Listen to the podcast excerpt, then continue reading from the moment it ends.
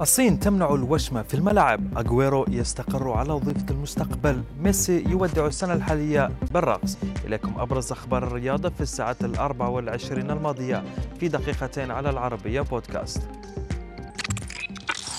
في خطوة أثارت استغراب رواد ال social media والعالم أيضا قررت الصين منع لاعبي كرة القدم من اللعب مع أنديتهم بالوشوم المرسومة على أجسادهم وذلك لإظهار اللاعبين كقدوة للأجيال القادمة. ولا تعد هذه المرة الأولى التي تشدد الصين فيها على هذا الأمر. ففي عام 2018 أجبرت الرابطة اللاعبين على تغطية الوشم للسماح لهم بلعب المباريات مع أنديتهم. بعد تحقيقه للقبية دوري والكأس في البرازيل عاد نجم أتلتيكو مدريد السابق دييغو كوستا إلى إلى مدينته وهو يقود جرارا احتفالا بالإنجاز الذي حققه مع فريق أتلتيكو مينيرو.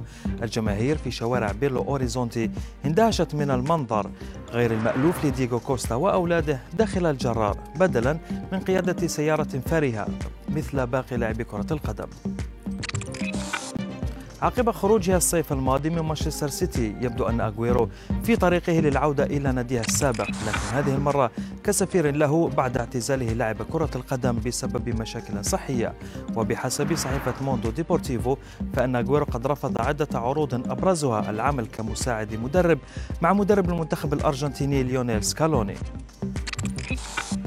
فضل ليونيل ميسي قضاء الأيام الأخيرة من السنة الحالية في مدينة روزاريو الأرجنتينية وانتشر فيديو لميسي وهو يرقص مع زوجته أنتونيلا في إحدى الحفلات الغنائية وهو مشهد غير معتاد للنجم الأرجنتيني الذي فضل احتفال الاحتفال بالسنة الحالية بأول كأس يحققها مع منتخب بلاده.